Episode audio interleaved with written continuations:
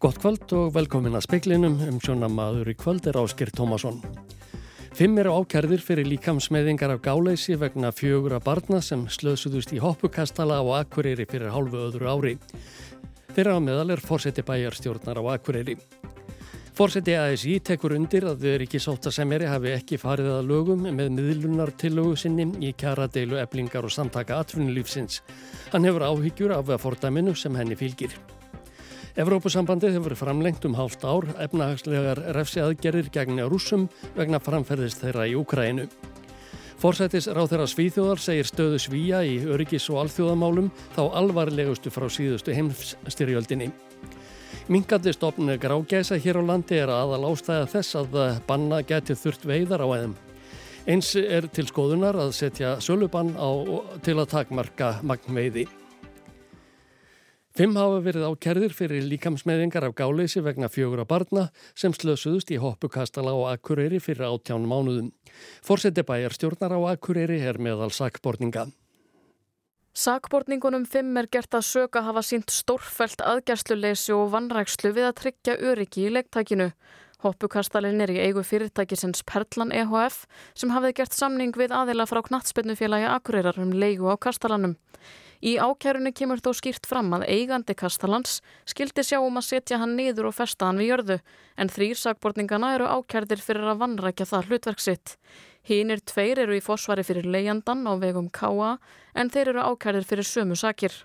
Sankant heimildum fréttastofu er þar á meðal Heimir Örn Árnason sem jafnframt er fórseti bæjarstjórnar á Akureyri. Hann vildi ekki tjá sig um máli við fréttastofu. Sakbortningarnir eiga það sameigilegt að hafa með einum eða öðrum hætti borið ábyrð á öryggi barnana sem voru við leik í hoppukastalanum Skrýmslinu 1. júni 2021. Sjö börn voru flutt á slísadelt þennan dag eftir að hoppukastalinn tókst að hluta á loft í vindkviðu svo þeir sem inn í honum voru skullu til jarðar. Málið höfðar saksóknari vegna fjögur að barna en tvö þeirra handlegsbrotnuðu í slísinu, eitt braut herðablað en fjórða barnið hlaut alvarlega áverka. Klara sem þá var 6 ára var flutt á gjörgæslu á landspítala og var um tíma í lífsættu vegna áverkana. Fjölskylda hennar hefur greint frá því að hún nái aldrei fullri heilsu eftir slissið. Rannsóknin á slissinu leiti það í ljós að þessi 1600 fermetra hoppukastali var alls ekki nógu tryggilega festur við jörð og að auki hafi ekki verið fylst nógu vel með þeim festingum sem þó voru til staðar.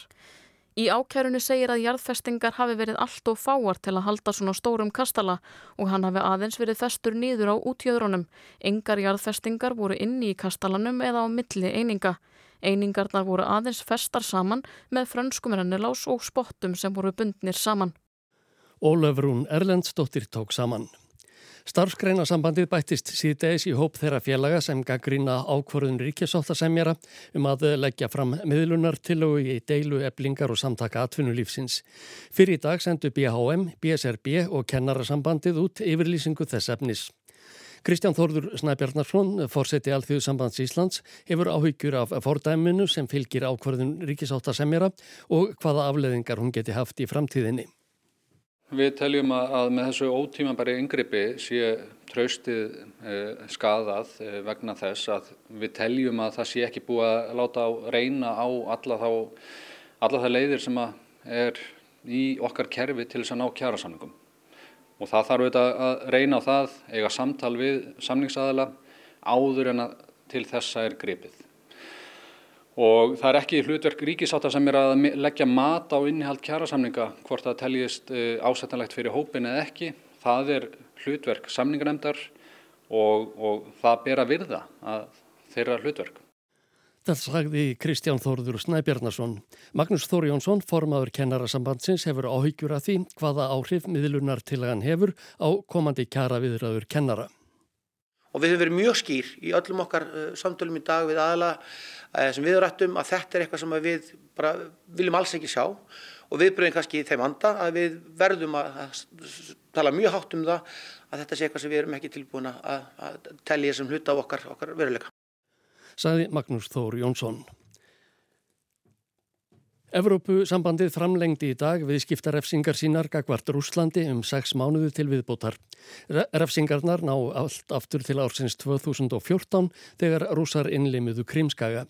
Það er hafa undið upp á sig með eh, tímanum og stjórnsambandsins í HRN frekari aðgerðir gegna rúsum á næstunni vegna innrásarinnar í Úkrænu í februari fyrra. Meðal refsinga sem leggjast þungt á rúsa er bann við ólíutflutningi. Böngum landsins er bannað að taka þátt í alþjóðlega greiðslikerfinu Svift og eins beinast aðgerðirnar gegn fórsetanum Latinir Putin. Úkrænumenn kalla eftir því að næst verði herjað gegn eldflöga og kjarnorku yðnaði rúsa. Jóhanna Sigurardóttir sem var heðruð af Kvenréttindafélagi Íslands í dag segir baráttuna ganga ofhægt þó hún sé bjart sín fyrir hönd unga fólksins. Kvenréttindafélag Íslands fagnaði 116 ára afmæli sínu í yðin og í dag og heiðraði þrjár félagskonur fyrir framlagsi til kvenréttinda og feminískrar baráttu jamt hér á landi sem og á heimsvísu. Síðast útnemdi félagið heiðursfélagi fyrir 26 árum þegar Vigdís Fimboadóttir, Sigriður T.H. Erlendstóttir og Björg Einarstóttir hlutu nafnpútina. Í dag bættust Ester Guðmundsdóttir, Kristína Ástkerstóttir og Jóhanna Sigurðardóttir í hópin. Ég er nú sérstaklega þakklátt Fennrættafélaginu fyrir baráttu þeirra í 116 ár fyrir jafnrétti kynjana og það er auðvitað gaman að vera hluti af svona samtökum. Mm. Og þú sannlega átt þinn hlut í sögu kvennréttinda á Íslandi. Hvernig blasir staðan við þér í dag? Já, mér finnst þetta nú skila sér mjög hægt launamálinn. Það var nú eitt af þeim fyrstu málinn sem ég barðist fyrir á þingi, það er að koma á launajabrétti en það virðist ekkert duga og þetta tekur allt mjög langan tíma. Segir Jóhanna sem telur jöfn laun kynjana vera stærsta hagsmunamál jafnréttisbarátunar. Þótt framfarir gangi of hægt að hennar mati, segir hún réttindabarátuna þó óneitanlega þókast áfram. Ungar konur, svo ég takki það sem dæmi, þær hafa skilað sér mjög vel út í atunlífið og störf sem að skipta máli. Þær hafa sótt mikið fram að því að varða mentun og mjög, er auðvitað mjög bjart sín bara fyrir hönd unga fólksins. Þetta var Jóhanna Sigurðardóttir, Hafdís Helga Helgadóttir talaði við hana. Alþjóðalaureglan Interpol lýsir eftir singapúrskri konu á 60 aldri sem var dæmt fyrir prófsvindl í borgaríkinu. Hún var dæmt á samt þremur öðrum konum sem allar sitja inni vegna málsins. Hinn 57 ára Pó Jón Njé átti að hefja fjögur ára afplánun í september en gaf sig ekki fram. Lauraglann gaf út handtökuskipun á hendur henni í november og sóttist eftir samstarfi við Interpol í desember. Pó aðstóðaði sex kínverska nefendur á aldrinum 17 til 20 ára við að ná intökuprófi í tækni háskóla. Fyrir það fekk hún greita um miljón á hvern nefnanda sem hún hétt við að endur greiða ef þeir stæðust ekki intökuprófið. Á prófstað sátu nefendurnir með húðlituð hirnatól og á líkama þeirra var búið að líma farsíma og bluetooth sendi. Tanja Jan, þáverandi kærasta Pó, satt einnig intökuprófið sem óbreyttur þáttakandi. Hún kom farsíma sínum þannig fyrir að myndavélinn vísaði frá henni á prófblöðin og sendi þannig myndaf þeim til Pó í gegnum FaceTime. Það er Pó og tvær samstarfskonur hennar leituðu svarana með hraði og kvísluðu þeim að nefendunum sex sem Pó aðstóðaði við intökuprófið. Einn nefendana sagði við yfirheyrslur að hann hefði átt að hafa hljóð ef hann heyrði svörin en ef hann heyrði það ekki nógu greinilega átti hann að hósta. Robert Jóhansson sagði frá.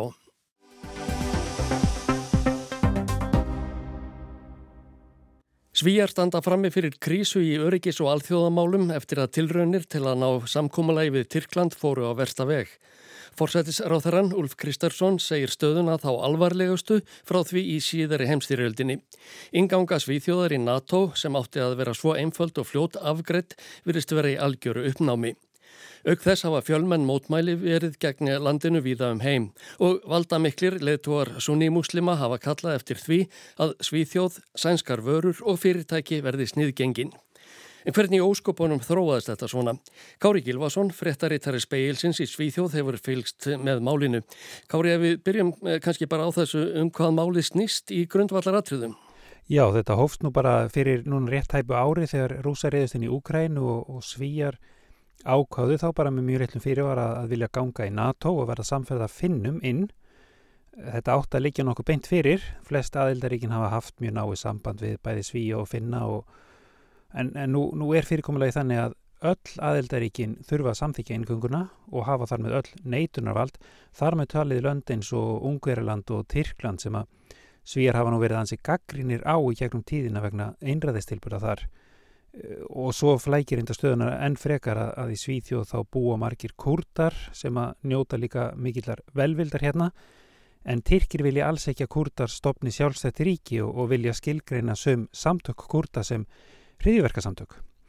Eh, þannig að svona síðast árið hefur verið svona ákveðin dans fram og tilbaka þar sem að Tyrkir hafa gert kröfur um að fá til dæmis tyrkneska eða kurdíska bladamenn og aktivista framselda til Tyrklands og viljað fá að kaupa vopn og, og fleira og sænskir stjórnmálmenn hafa síðan reyndað blíðka Erdogan, Tyrklandsforsetta og önnur bandarlagsríki hafa líka eitthvað þrýst á Tyrki en, en þetta verður ekki verið nóg þátt fyrir allan þennan tíma og núna í haust og, og kannski sérstaklega þegar nærtur á áramótum þá fór að bera á því að fólk væri orðið svolítið langþreytt á þessari samningatækni. Það væri ekkit viti því að gefa bara eftir og gefa eftir. Þá myndi Tyrklandsfósiti náttúrulega bara ganga læð og gera meiri og meiri kröfur.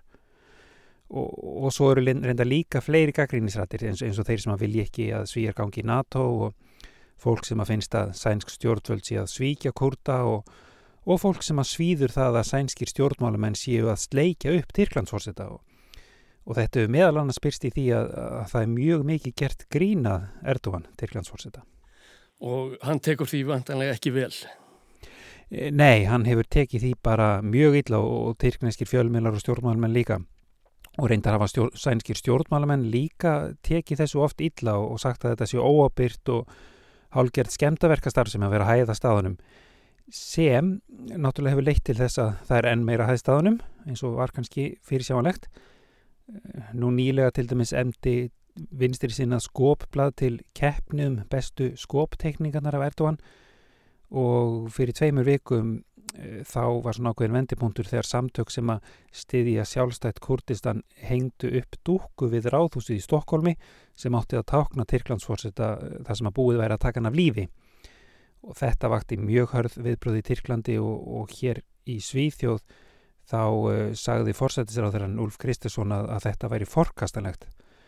Uh, það að hann skildi segja það stækkaði málið síðan ennfrekar vegna þess að stjórnmálamenn og bladamenn og, og, hérna, og sérfræðingar í tjáningarfrelsismálum e, hafa sagt að, að svona sé ekki hægt að tala. Og reynda líka stjórnmálamenn sko bæði formaður frjálslindra og svíþjóðardemokratana tvekja flokka sem að standa að núvenandi ríkistjórn. Þeir sögðu þetta það þetta standa vörðum tjáningarfrelsið og, og maður mætti ekki gaggrína svona mótmæli. En e, það er ekki þetta sem öll lætin eru núna út af, það er út af kóranbrennu er það ekki sem var í Stokkólmi um síðustu helgi? Jú, í, það má segja að þessi deila svona hafi síðustu tvær vikur magnast upp mjög hratt því að á lögadagin, núna síðastu lögadag þá kom til Stokkólms dansku stjórnmálamæður Rasmus Paludan og brendi kóran og eftir það þá segjast Tyrki núna bara ekkert hafa frekar við svíjað að tala og sænskir fánar hafa við brendir í Tyrklandi og víðar og, og, og nú síðast á kvöttu áhrifamiklir leðtúar sunnimuslima í í háskóla í Egiptalandi til þess að svíþjóð og sænskar vörur og sænsk fyrirtæki erðu sniðgengin. Þannig að nú er ekki bara óvist hvort eða hvenar svíjar gangi í NATO heldur er bara öryggis krísa, segja hérlendir og, og, og, og það er líka bara stór diplomatísk krísa, ekki bara kakvar Tyrklandi heldur, bara mjög stórum hluta landa þar sem að muslimar eru meira hluta. Þannig að eh, fórsættisraðari helt eh, bladmannafund út af þessu á þriðjudag þar sem hann sagði að staðan í öryggismálum svíþjóðar nú væri svo alvarlegasta frá því í síðari heimstyrjöld og hvati alla til að taka þetta alvarlega og það væri, já, hann, hann, hann sagði líka að það væri ákveðin öll bæði utanlands og innan, maður veit ekki alveg til hverja hann er að vísa þar, hvort hann er að vísa til sko þeirra sem eru með hennum í ríkistjórn sem, sem öll sem að vilji koma í vekk fyrir að Svíþjóð gangi í NATO. Og eftir þetta þá kom líka í ljósa að hérna Rasmus Paludan hann átt ekki frumkvæða því að komingað að brenna kóran heldur eh, virðist eh, hafa verið hérna maður sem er að vinna fyrir fjölmiðil svíþjóðardemokratana sem aftur stiðja núverðandi ríkistjórn það maður sem var að vinna fyrir þann fjölmiðl sem að óskaði eftir því að einhverjir hægri sinniður kæmu og, og hættu Erdogan. Hann fannst svona vinstri sinnu dagblöð og fólk sem er uh, stiður kurta hafa, hafa átt sviðið. Og uh, þessi fjölmiðlumar hann greitti líka leifið sem að þarf að fá til þess að, til þess að halda svona mótmæli En svíþjóðardemokraterni eru þeir ekki í ríkistjórninu eða standaðir aðenni?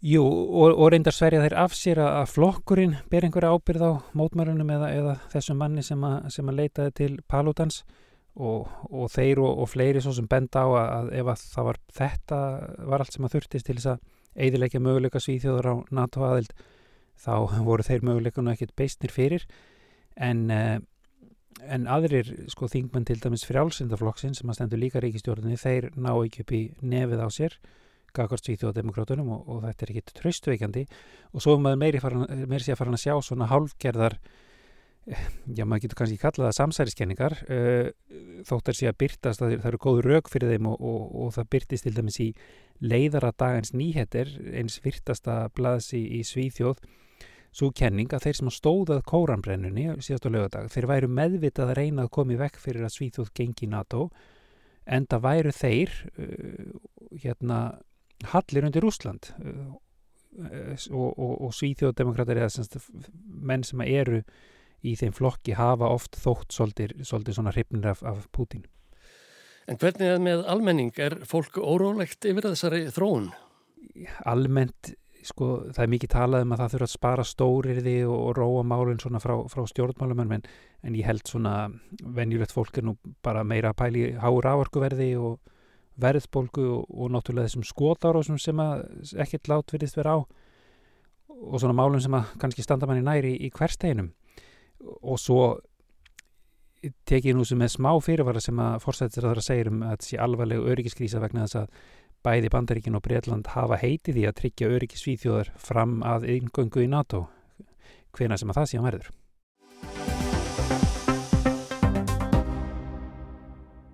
What a drag Það er bölað eldast, syngur Mick Jagger í upphafi lagsins Mother's Little Helper. Það kom út annan júli 1966, 24 dögum áður en söngvarinn vart 23 ára. Hann verður áttræður í sumar, er í fullu fjöri og þykir bera háan aldur betur en flestur aðrir. Ég vona ég degi áður en ég verð gammal, söng hinn 21 árs eh, Roger Daltrey árið áður en Mother's Helper kom út. Hann verður 79 ára eftir nokkrar vikur og Pete Townsend, höfundur lagsins My Generation sem línan er tekin úr, nær 78 árum í vor. Þeir félagarnir hafa verið á tónleikaferðum Norður Ameríku með hljómsveit sinnið og hú og koma fram á nokkrum hljómleikum á meginlandi Evrópu í sumar. Mick Jagger syngur enn og eftir því sem næst verður komist er vona hljómplötu með hljómsveit hans The Rolling Stones síðar á árinu. Þessum körlum þykir það vantanlega ekki bölað eldast, enda í fullu fjöri og enn á vinnumarkaðinum. Margir jafnaldrar þeirra og jafnaldrur eru einningi fullu fjöri og sífælt fjölgar þeim sem ná háum aldrei í heiminum. Alþjóðaheilbriðisstofnuninn sá sig núna á dögunum til að benda stjórnvöldum um allan heim á þessa staðrind og hvetja þau til að grípa til ráðstafana þar sem sífælt ætti eftir að fjölga í hópnum á næstu árum og áratugum.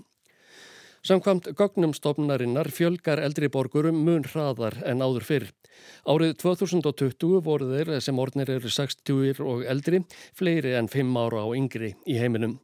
Samkvæmt spáum fjölgun mannkins á árunum 2015 til 2050 er gert ráð fyrir að fjöldi 60 og eldri nánast tvöfaldist, fari úr 12% af heldarfjöldanum upp í 22%.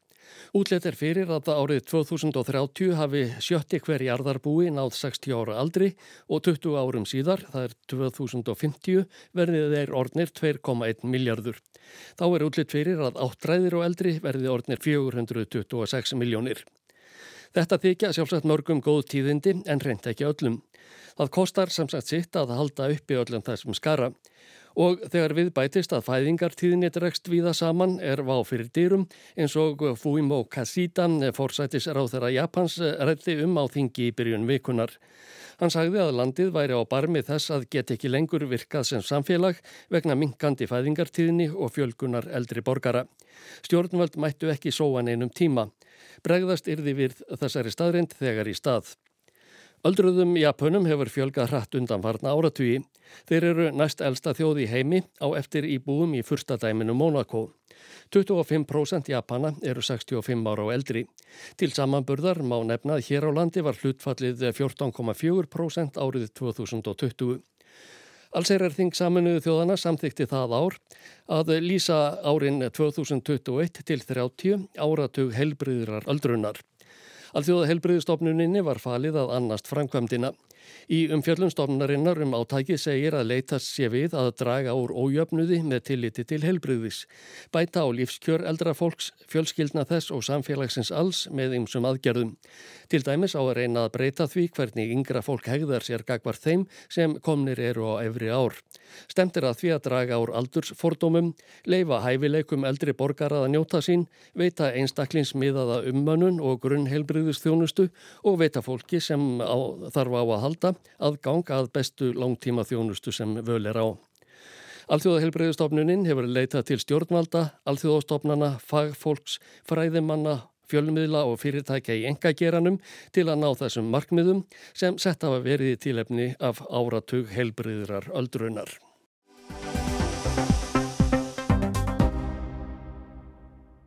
Breytingar á alþjóðasamningi um vendun votlendis farfugla sem Ísland er aðilega að felur meðal annars í sér að banna skuli veiðar á grágæsum.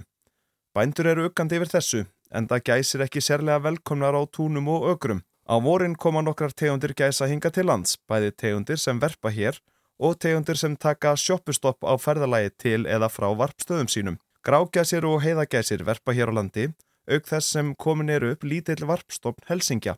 Þær tegundir sem stoppa hér á lengra ferðalagi eru Helsingin, Bleskæs og Margæs. Sigurður Á Þráinsson, sérfræðingur hjá umhverfis orku og lofslagsraðanundru, verður velkomin í speilin. Takk fyrir. Hver er staða grágæsarinnar og til hvaða aðgerða á að gripa?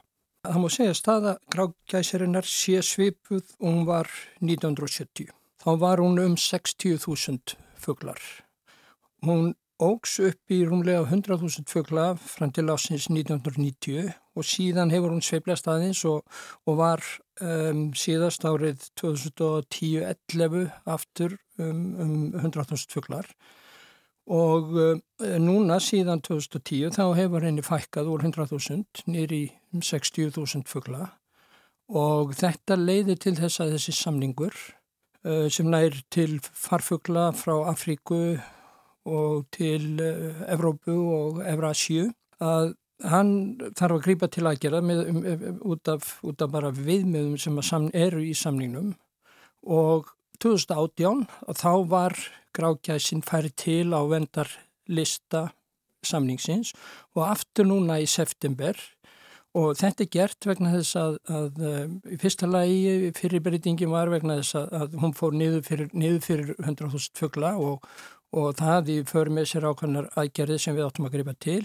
En, en síðan hefur orðið uh, uh, veruleg fækkun og þá var hún, var, voru vendar ákvæðin enn þá styrt á þessum fundi í september og það er meðalans vegna þess að það hefur verið hröð fækkun í stofninum meira heldur en 30% fækkun og líka að, að árleg fækkun hefur verið um, um 6%. Þannig að, að þá eru við neitt til þess að grípa til ákveðin að vendara að gerða og í þessu tilfelli að þá hverður það á um að við eigum að setja veiðimann á tegundina. Og um, á fundinu sjálfum að þá tóst okkur að, að í raun og veru að setja stjörnu við þessa breytingu sem að heimilar okkur. Í staðin fyrir að, að setja á algjört veiðimann þá getur við á grundvelli fjölþjóðlegar stjórnunar og vendar áallunar heimilað ákveðnar veiðar til þess að koma í veg fyrir tjón og að heimila takmarkaðar veiðar sem eru sjálfbærar. Þannig að stopni sem byggist á því að stopnin sé sjálfbær. Við höfum þannig sveirum til þess að breyðast við tjóni og þetta er stopn sem er sameilugur með Breitlandi, Englandi og Skoskveginum, Skotlandi og Orkniðum og, og Hjaltlandsegjum og síðan Írlandi og við þurfum að vinna með þessum þjóðum að því að setja þessa stjórnunar og vendar áallin. Hverju á þetta skila og hversu fljótt? Þetta ánáttúrulega skila því að stopnin stakki og hann fari verði í hagstæðri stoppstærð og í þessari stjórnar og vendar áallun að þá eigum við að setja þessi viðmið hvað við ætlum að, við ætlum að halda stofninum, hvaðan má fara neðarlega áður en við grípum til aðgerða til þess að hann vaksi aftur. Við höfum verið að taka þátt í svona samstarfi með Helsingjan og það er búið að vinna svona áallanir fyrir aðra stofna sem eru í, á meginlandi Evrópu og, og fara til Sýbergi og Rúslands og annað. Þannig að það er ágættis reynsla af því að vinna svona stjórnur og vendar áallanir og, og uh, þetta þurfum við að gera í saminu og rákjafa á vegum samningsins þannig að, að, að þetta, það má regna með að þetta sé svona tvekja, tvekja ára starf. Er búið að útfara veiðibanni? Hvernig því verður hátta? Um, nei, það, sko, ekki, það er ekki búið að breyta reglugerð um veiðar hér á landi og, en við þurfum að, að huga að því við þurfum að huga að því að, að takmarka veiðarnar og tryggja það að, að þær verði sjálfbærar við erum búinir að fara yfir þetta mál með bandasamtökunum sem eru náttúrulega stór hagsmennaræðili uh, með skotvís og að búið að tala við uh, fugglavendar aðela þannig að við þurfum að gera þetta í samvinnu við þessa aðila og, um, og við erum byrjuð að, að tala við breyta, skota og íra og næsta skrefið er bara að hefja þessa vinnu. En við þurfum að, að fyrsta verkefnið er að vinna stjórnunar og vendar áallin og á grundulli þess að þá getum við veitt þessar heimildi til veiða og, og, og til þess að breyðast við tjóni en þessi stjórnumerk sem við komum á er, er leifur okkur, leifur okkur takmarkaðar aðgeri til þess að breyðast við tjóni og breytar hafa gert þetta og skotar að, að setja fyrirvara við þetta og það er fyrst og fremst út af því að, að þeir þurfa að verjast tjóni ágangi á, á kornakra og, og annað. Og þykist með að vita að veiðumenn séu skjálfand á beinunum yfir því að þetta takk ekki gildi strax í höst, er komin eitthvað tímasetning á, á veiðubann? Nei, það er ekki komin tímasetning á, á veiðubann en, en sko það er kannski rétt að hafa það í huga að, að hér áður fyrr þá var gæsin farin á landinu í lóknófumber eða, eða fyrir hluta nófumber og uh, allar tallingar voru framkvæmdar í, í Breitlandi þar sem að stopnum okkur saman. Núna þurfum við að tellja bæða á Íslandi og í Breitlandi vegna þess að stopnir, hluta stopninum er farin að vera hér langt fram eftir vetri og kannski alla meturinn og það veldur svo litið óvissi í þessum tallingum en, en uh, það líka sko lengir veiðitímabilið. Þannig að, að hér áður fyrir þá var ekki takt að veiða grákjæs eftir, eftir 30. november, hún var bara farin en núna eru, eru veiðarna er verið að stunda veiðarna fram eftir langt fram eftir vetri og það er kannski það sem að, að væri rétt að skoða í upphafi minnstakosti og annað sem að væri rétt að skoða í, í, ljósi ástands á grákjæsastofnunum eru uh, magnveðar og sala á grákjæs. Nú eru sölubanna á rjúpu til, til dæmis til þess að reyna að draga úr, úr veiðum og tilmæli um það að menn veiði bara ákveðin fjölda fuggla sér til matar. Er eitthvað slíkt til skoðunar í grákjæsunum? Það er hlut af því sem að kemur til greina og, og það er kannski eitthvað aðrið sem að uh, þurfti að taka, taka gildi síðar á þessu ári vegna þess að það er kannski búið að veiða það sem að, að hérna, menn ætlið að selja í, í, í vetur og, og fram á sumarið sko og uh, það er kannski, þarf að taka kannski sölubann gildi um leið og veiðibann tekur gildi til þess að sé hægt að selja það sem er, er búið að veiða. En, en það er ekki búið að taka ákvarðunum þetta því, og það verður tekið í þessu vinnuferli okkar með okkar stopnunum sko. Takk kærlega fyrir komuna í speilin Sigurður á Þráinsson. Takk kærlega fyrir Og viður horfur í blálokkin, all kvoss eða kvoss, vestanátt og úrkominlítið, hitti kringum frostmark. Það lægir í kvöld og nótt fyrst vestanlands, dálitil slitta eða snjókoma vestan til í nótt. Sunnan 8 til 15 á morgun, slitta og síðan rigning, engum á söður og vesturlandi og hlínar. Vestlægari og skúrir síðdegis hitti 2 til 7 stig. Slittu jél annað kvöld og uh, kólnar smám saman. Fleira er ekki speklinum, tæknimaður var Mark Eldrött, verði sæl og góða helgi.